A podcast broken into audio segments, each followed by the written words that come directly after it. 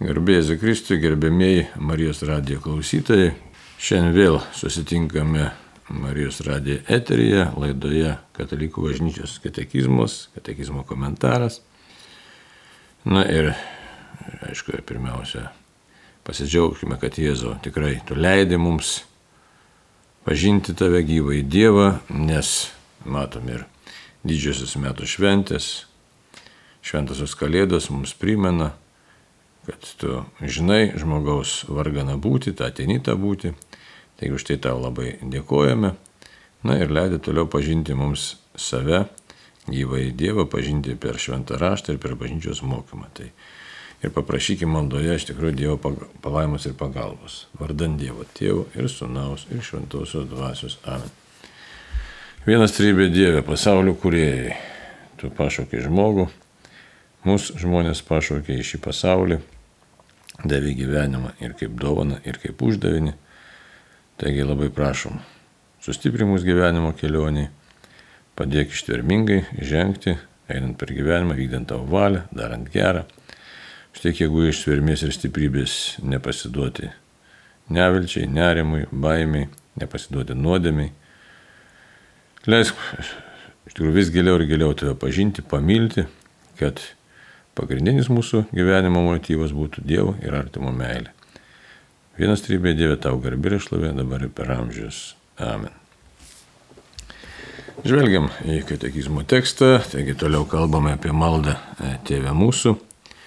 Na ir e, ką mes čia prisiminam, prisiminam iš tikrųjų, e, kad kalbam apie tai, kad tėteinė tavo karalystė Ir sklaidėme, jau pradėjom žiūrėti 2819 numerį, 19 numerio tekstą turinį. Ten tokie žodžiai mums yra pateikiami, pateikiami iš apaštalo Paulius laiško romiečiams. Dievo karalystė yra teisumas, ramybė ir džiaugsmas šventojoje dvasioje. Paskutiniai laikais, kuriais mes gyvename, yra šventosios dvasios išleimo metas. Dabar vyksta lemiamoji kova tarp kūno ir dvasios. Ir čia pateikime nuorodą į apaštalo Paulius laišką Galatams 5 skyrių 16-25 eilutės. Ir toliau Kirilo Jeruzaliečio e, citata. Tiksliau iš jo, iš jo veikalo, mistinės katechezės. Tik tai yra širdis gali nesirodama tarti, te ateinie tavo karalystė Kas išgirdo Pauliaus žodžius, tegu nebevešpatau jūsų mirtingame kūne nuodėme, kino veiksmai, mintis ir žodžiai išliko tyri, tas gali Dievui tarti, te ateinie tavo karalystė.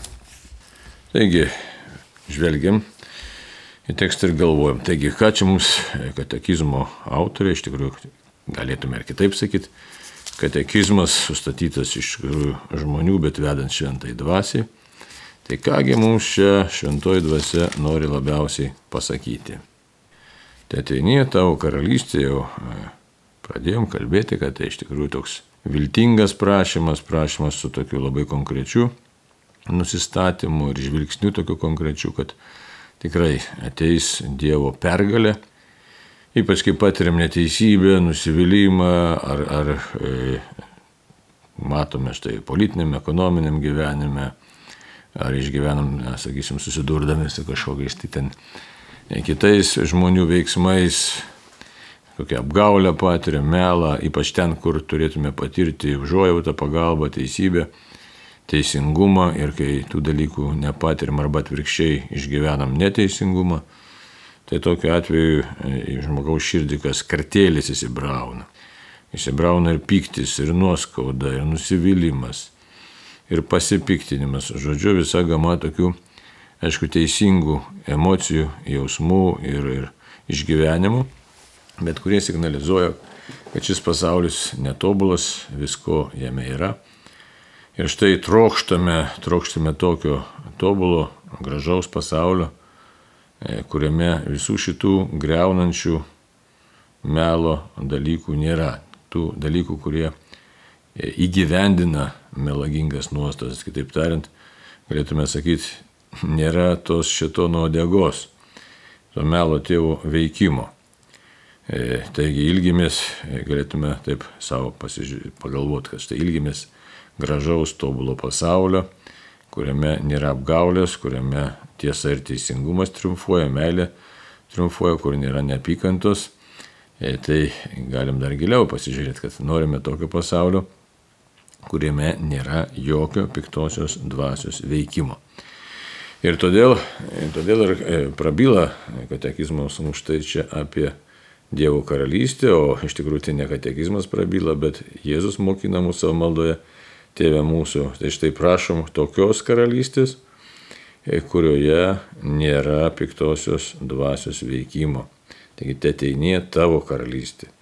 Ne kažkokio karaliaus, ne kažkokio tai princo, prezidento, e, monarcho, valdytojo ar parlamento ar, ar dar kažkieno tai karalystė kurioje vis tiek kažkiek tai bus, e, kiek tas e, valdytojas ar vadovas ar valdovas bebūtų tobulas, vis tiek toje aplinkoje, toje karalystėje vis tiek bus neaptobulumo žymių, vis tiek bus priemaišų kylančių dėl nuodėmingos žmogaus prie prigimties, dėl žmogaus negebėjimo įgyvendinti Dievo meilę mus taip pat ir e, be jokios abejonės piktosios dvasios kažkokios tai veikimo įtakos, net jeigu tai būtų vienuolinė ar, ar kažkokia tai pasišventusių asmenų bendruomenė, nes vis tiek visą laiką atsiranda klaidų ir klaidelio, kiek žmogus besistengtų. Jeigu dar tie žmonės nelabai stengiasi, o jeigu tie žmonės nutolia nuo Dievo, e, nuo savo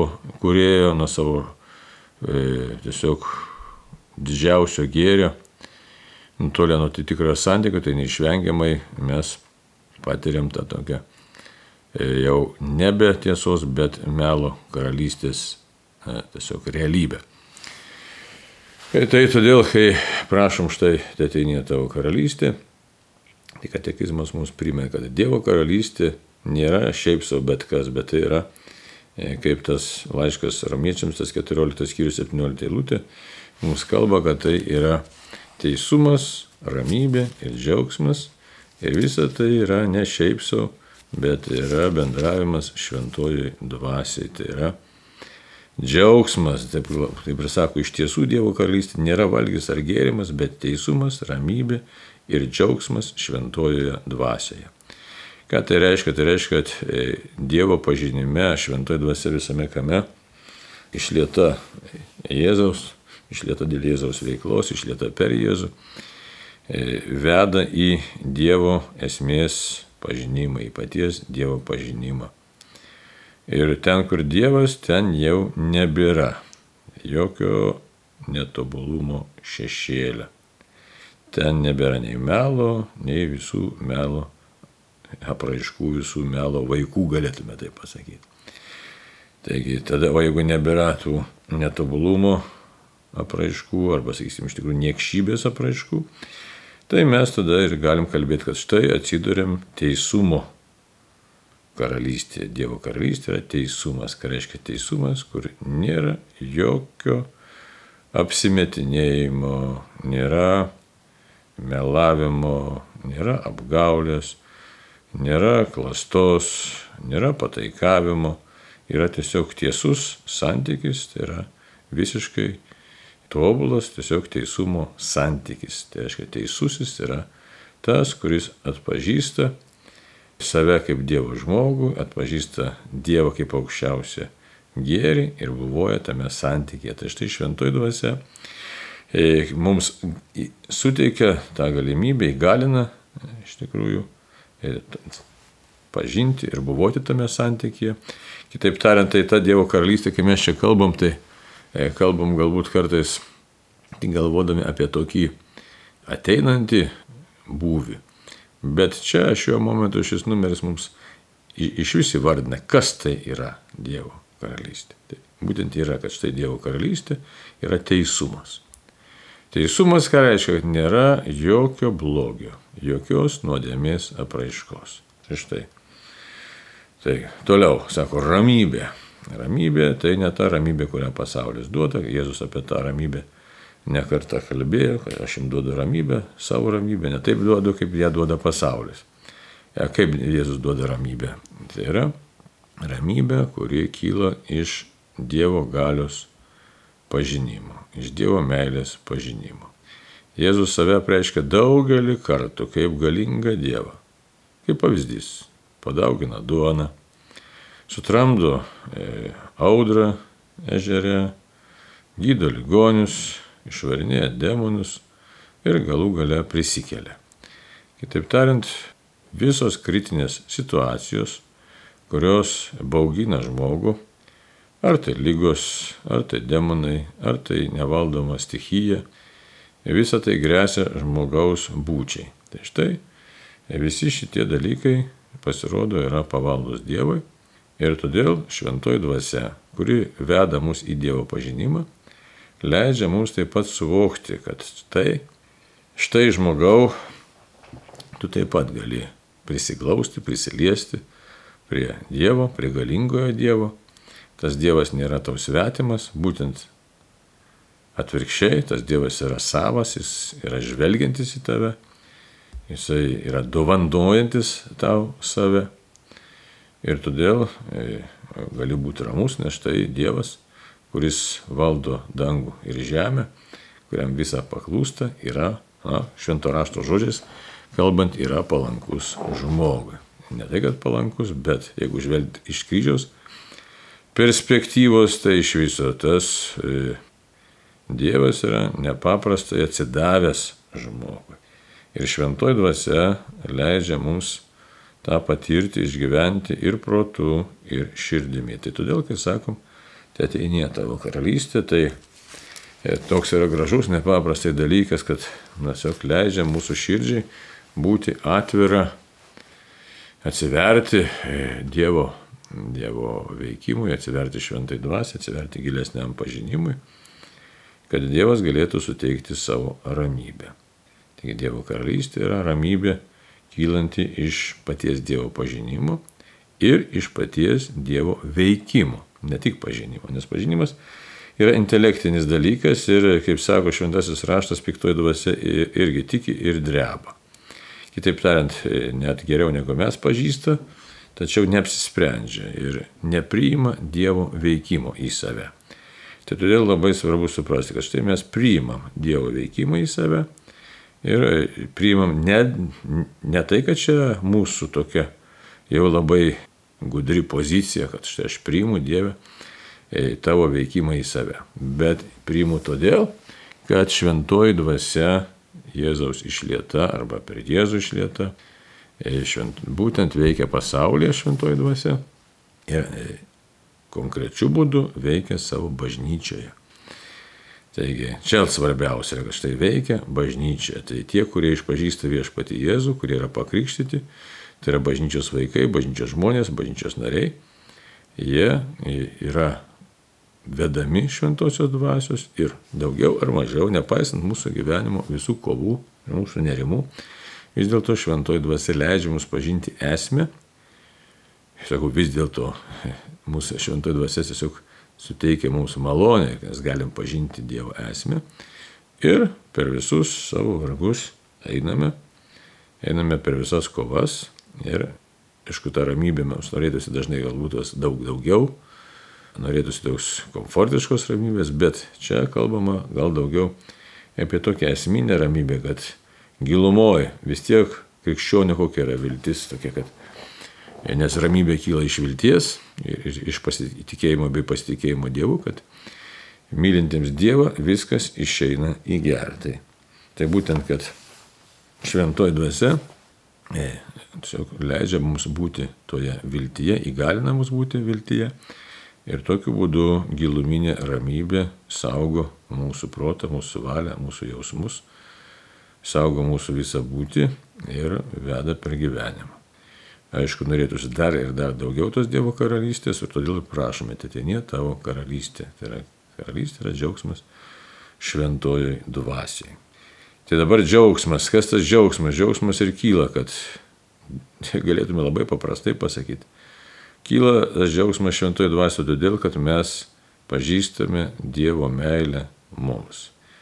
Pažįstam, nepažįstam, tai čia dar irgi galėtų būti toks, na, sąlyginis dalykas ir jis yra toks, e, na, toks ribotas, nes Kartais mes čia daugiau pasitikim, kartais mažiau, kartais visai nebegalvom apie tą Dievo meilę, tiek kiek reikėtų, o e, džiaugsmas šventoji dvasioje reiškia, kad e, Dievas mus iš tikrųjų išsirinko, apdovanojo, Dievas myli ir kviečia pas save. Tai štai, čia jau toks susitikimo džiaugsmas, Dievo žvilgsnio e, į mus pažinimo džiaugsmas, kad štai Dievas mane mato, Dievui aš rūpiu.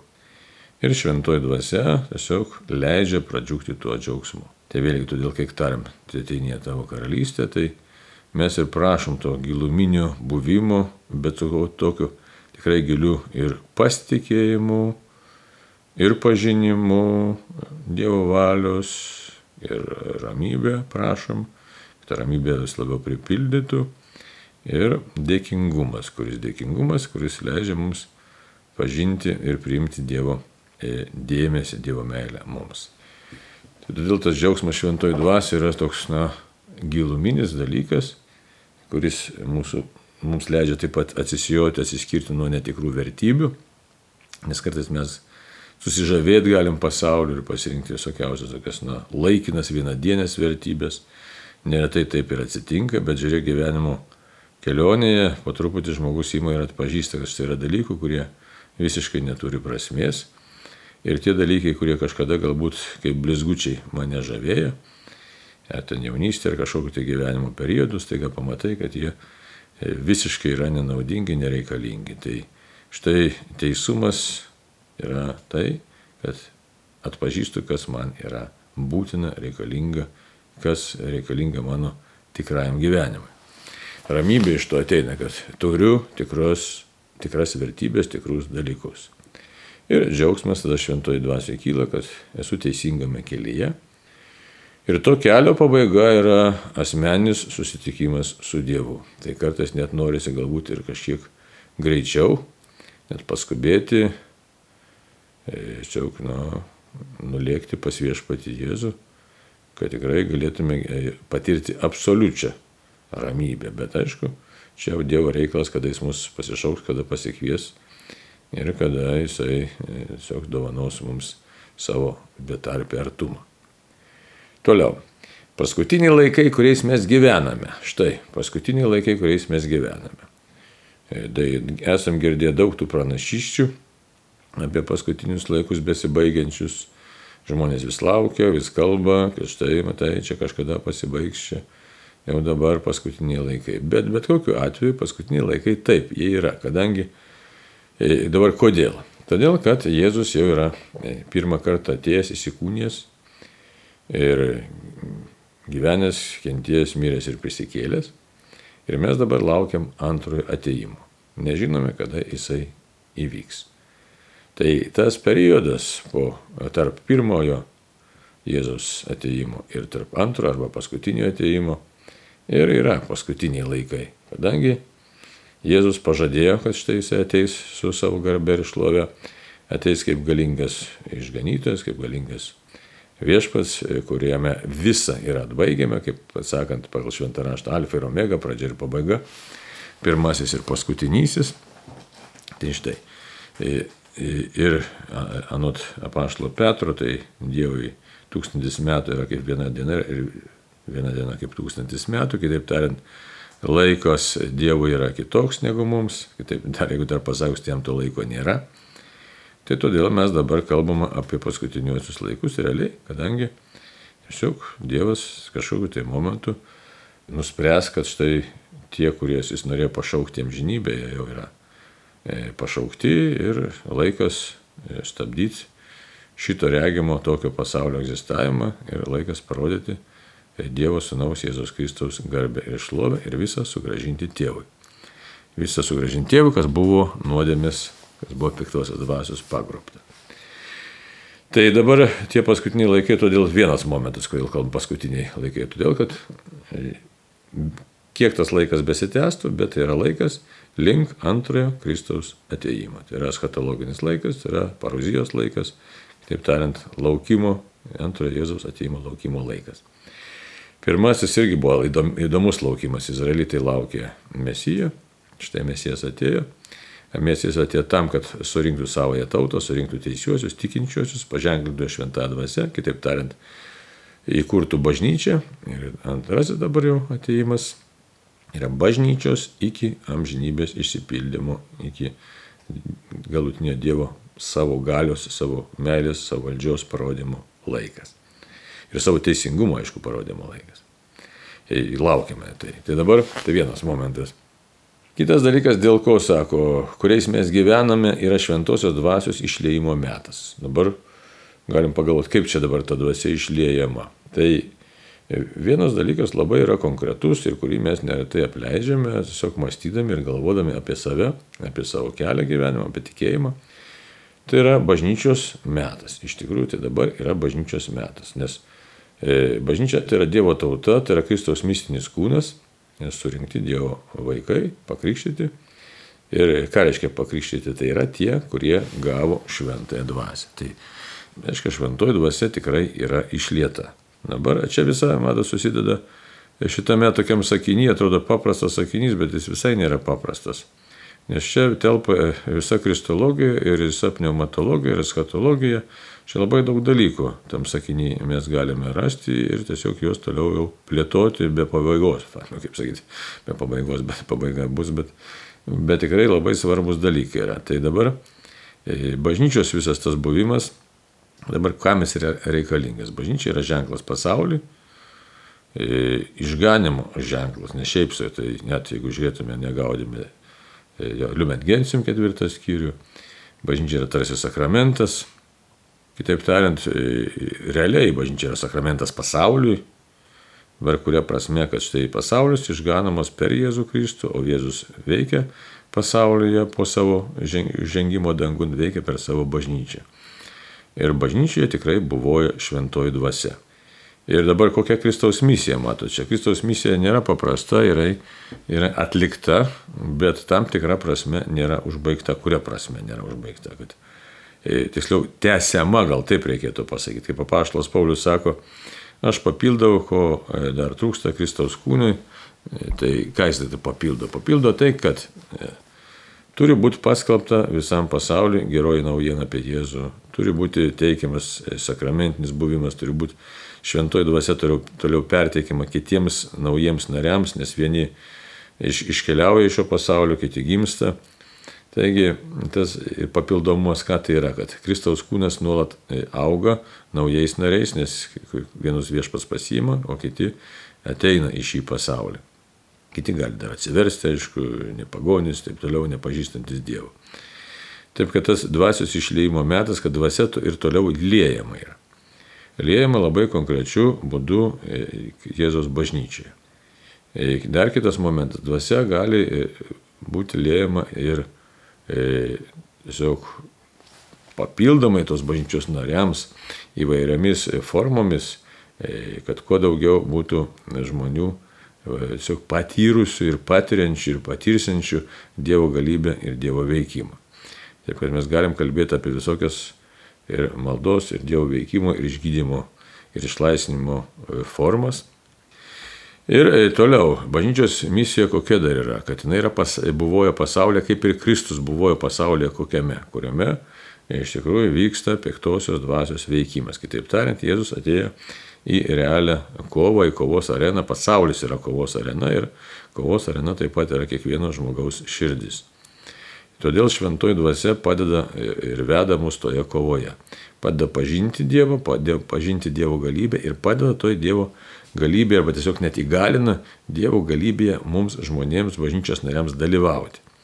Kitaip tariant, mes tampame, kaip apaštalas Paulius laiškė Efeziečiam šeštam skyriui sako, mes tampame apginkluoti, Dievo ginklais. Tai tie Dievo ginklai tai nėra mūsų čia kažkokie tai išmastymai ar mūsų kažkokios gebėjimai, sugebėjimai ir tai panaudojimas tų sugebėjimų, bet tai yra iš tikrųjų Dievo mums e, duota gale, galybė veikiant šventai dvasia arba pati šventoji dvasia. Bet dabar tai nėra tai tik tai taip savo kažkoks pasižaidimas, bet tai yra dalyvavimas labai konkrečioje kovoje. Tai būtent todėl toliau ir kalba, katekizmas sako, dabar vyksta lemiamai kova tarp kūno ir dvasios. Kūnas čia kabutėse, ta prasme, kad ne tarp to mūsų žmogiško kažkokio tai kūno, bet viso to, kas yra tame terminė kūnas, o kas jame gali slypėti, pas, po, už to termino e, gali būti, už to pavadinimo, už tos savokos. Nes dvasia tai iš didžiosios raidės tai yra šventoji dvasia, taigi kas čia gali slypėti. Aišku, daug dalykų tai yra, bet jeigu mes ten žvelgiam į šventąjį raštą, mes žinom, kad tai šventame rašte e, kūnas yra įvardinas keliais graikiškais žodžiais ir vienas graikiškas žodis reiškia, kad tai yra nuodėmės kūnas. Tai būtent tas nuodėmės kūnas ir, ir dvasia yra priešingi dalykai. Ir mes ir pagal šventą raštą žinome, kad štai galim pasižiūrėti, ką dabar tą apaštalo Pauliams tą Galatams penktąjį skyrių. Žiūrėkit, kokie yra kūno darbai, tai yra nuodėmingo kūno darbai. Tai ištvirkavimas, netrumas, gašlavimas, tapmeldystė, burtininkavimas, priešiškumas, nesantaika, paviduliavimas, piktumai, vaidai, nesutarimai, susiskaldimai, pavydai, girtavimai, apsirimai ir panašus dalykai. Tai matom, kaip čia e, mums pateikia e, būtent apaštalas Paulius, aišku, pateikia Dievas, pateikia šventoji dvasia, kad kūno darbai tai yra nuodėmės paveikto kūno darbai. Kitaip tariant, piktosios dvasios veikiamas žmogus leidžia padaryti savo kūną E, būtent e, nuodėmės, būtent piktosios dvasios įrankių. E, šventoji dvasia kviečia mus, mus visai kitiems dalykams. Kam kviečia, žiūrėkit, dvasios vaisiai yra meilė, džiaugsmas, taika, kantrybė, malonumas, gerumas, ištikimybė, romumas, susivaldymas. Taigi vėl skaičiuojami priešingi dalykai. Taigi šventoji dvasia kviečia mus iš tikrųjų tokiam šviesiam, kūrybingam, bet svarbiausia, e, e, nenodėmingam atvirkščiai, e, tokiam tiesiog Dievo artumą išgyvenančiam, išgyvenančio žmogaus buvimui. Ir tame buvime jau nebėra jokio šešėlio nuodėmės. Tai dabar ar lengva tokiu buvimu būti? Žinom, kad nelengva, nes mus traukia. Ir vieni dalykai, ir kiti dalykai traukia. Taigi traukia ir nuodėmė, ir traukia ir gražus dalykai. Ir kartais tas nuodėmės e, viliojimas būna net toks savotiškai patrauklesnis, nes e, gal tokio savotiškai tokio e, žavesio liktai atrodo daugiau, malonumo, kūniško malonumo daugiau.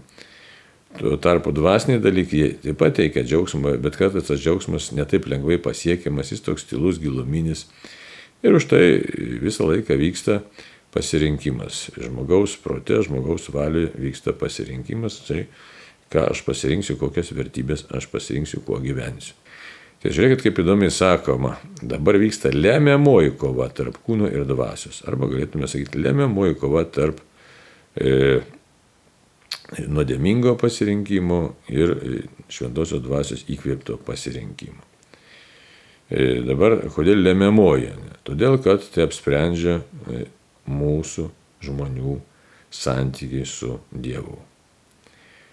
E, jeigu nebūtų pažinimo, kas yra blogis, jeigu nebūtų Dievo pažinimo, jeigu nebūtų apreiškimo, jeigu nebūtų buvę bažnyčios mokymo ir ir, ir, ir ką mes dabar turim iš tikrųjų katekizmo ir to nuodėmės supratimų, tai tada ir nebūtų tos tokios e, tikrosios kovos, nes tiesiog žmogus pasimetime, nepažinime, nežino, ką rinktis, jis e, būtų neatsakingas pilnai. Dabar mes, kadangi gyvenam bažnyčios laikė, kai apreiškimas aiškus, tikėjimo turinys paskelbtas, šventoji dvasia veikia, Taigi žmogus e, žino ir gali ir privalo pasirinkti, e, žino, ką gali pasirinkti ir privalo pasirinkti teisingai.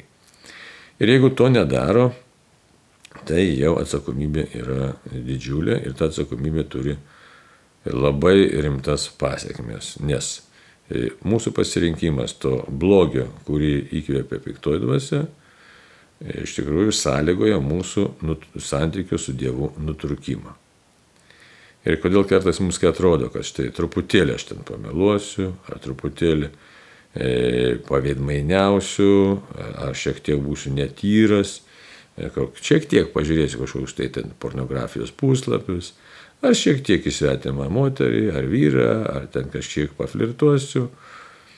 Iš tikrųjų mes labai rizikuojam, čia kaip pavyzdys, ar pavoksiu šiek tiek, pa, kažką tai pa, pasukčiausiu, visi, visi šitie dalykai iš tikrųjų jau visiškai kitaip vertinami nei kažkokiam tai pagoniškam prieš mus buvusiam pasaulyje iki Kristaus, nors ir ten sąžinė veikia, bet čia jau ne tik sąžinė veikia, bet veikia šventoji dvasia, kuri suteikia gilesnį pažinimą. Ir todėl tas e, dalykas, kad mums čia įvardintas kažtai lemiamoji kova, kad žmogus turėdamas pažinimą ir sąmoningai pasirinkdamas e, tarnavimą nuodėmės kūnui, jisai nutraukia santykių su Dievu ir atsistoja iš tikrųjų, na, į tą pačią gretą su, su piktaja dvasia. Kitaip tariant, jisai pasmerkė save, e, pasmerkė iš save pragarui. Nereikia bijoti tą pasakyti, nors labai nesinori ir labai nesmagu tą sakyti.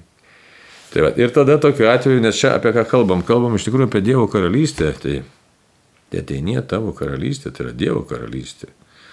Tai yra šventosios dvasios karalystė. Todėl lemiamoji kova vyksta tarp kūno ir dvasios. Dabar ta lemiamoji kova vyksta kiekvieno mūsų širdyje. E, Jis vyksta dabar pasaulyje, aplink mūsų esančiame, labai plačiai mes tą matome. Ir mes matome visur taip ryškiai besibraunančią nuodėmę visur. Aiškia, aikštėse, miestuose, gatvėse, e, televizijos ekranuose, interneto E, puslapiuose ir įvairiom formom. Štai labai daug propaguojam, kad štai.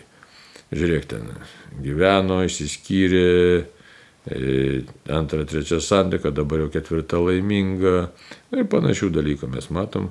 Ten kažkur važiavo, kažką apgavo, Dievo netiki, Dievo nereikia, netitinka prigimties, sakysime, žmogus nepatenkintas tokią prigimtim, kokią Dievas jam davė.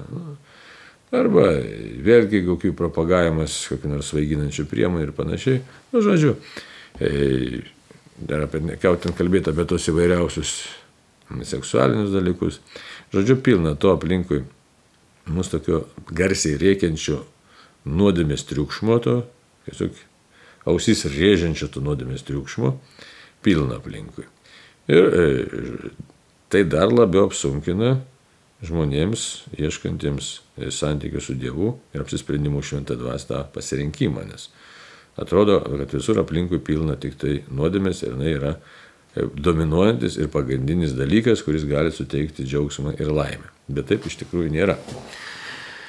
Tai todėl čia labai svarbi ta Kirilo Jeruzaliečio citata, sako, tik tyra širdis gali nesirodama tarti, tai ateinė tavo karalystė tik tyra širdis. Ką tai reiškia?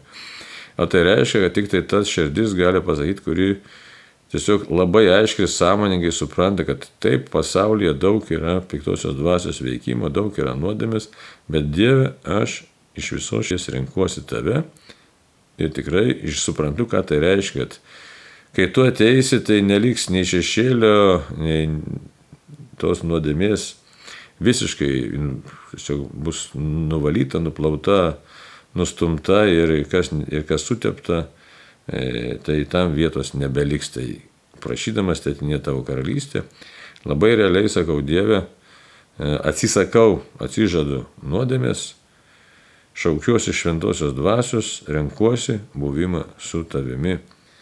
E, apsisprendžiu už tave sąmoningai, atsižadu visų nedarybę, atsižadu puikybės, godumo, gašlybės, e, ir pavydo, rūstumo, nesusivaldymo, e, tingėjimo, neištikimybės, nu žodžiu, kas telpa į katekizmo rėmus ir kas netelpa, visų tų dalykų, kurie yra priešingi Dievo valiai. Dar čia primena, ne, Kirilas Jeruzalėtis, kad štai tegu nebeviešpatau jūsų mirtingame kūne nuodėmė. Taigi ir mūsų ir veiksmai, sako, ir mintis, ir žodžiai turi būti tyri. tyri, ta prasme, kad jokio pataikavimo, jokiai nuodėmiai. Tai tiek brangiai šį kartą, tai apsispręskim savo širdyse, kad tikrai noriu tarti Dievę tau pasakyti, ateinė tavo karalystė. Ir tau garbė išlovė ir vesk mus išganimo keliu, mes mus tikrosios laisvės keliu. Ta kartą ačiū Jums visiems, gražių švenčių ir sudė. Prie mikrofono buvo kuningas Arnoldas Valkauskas.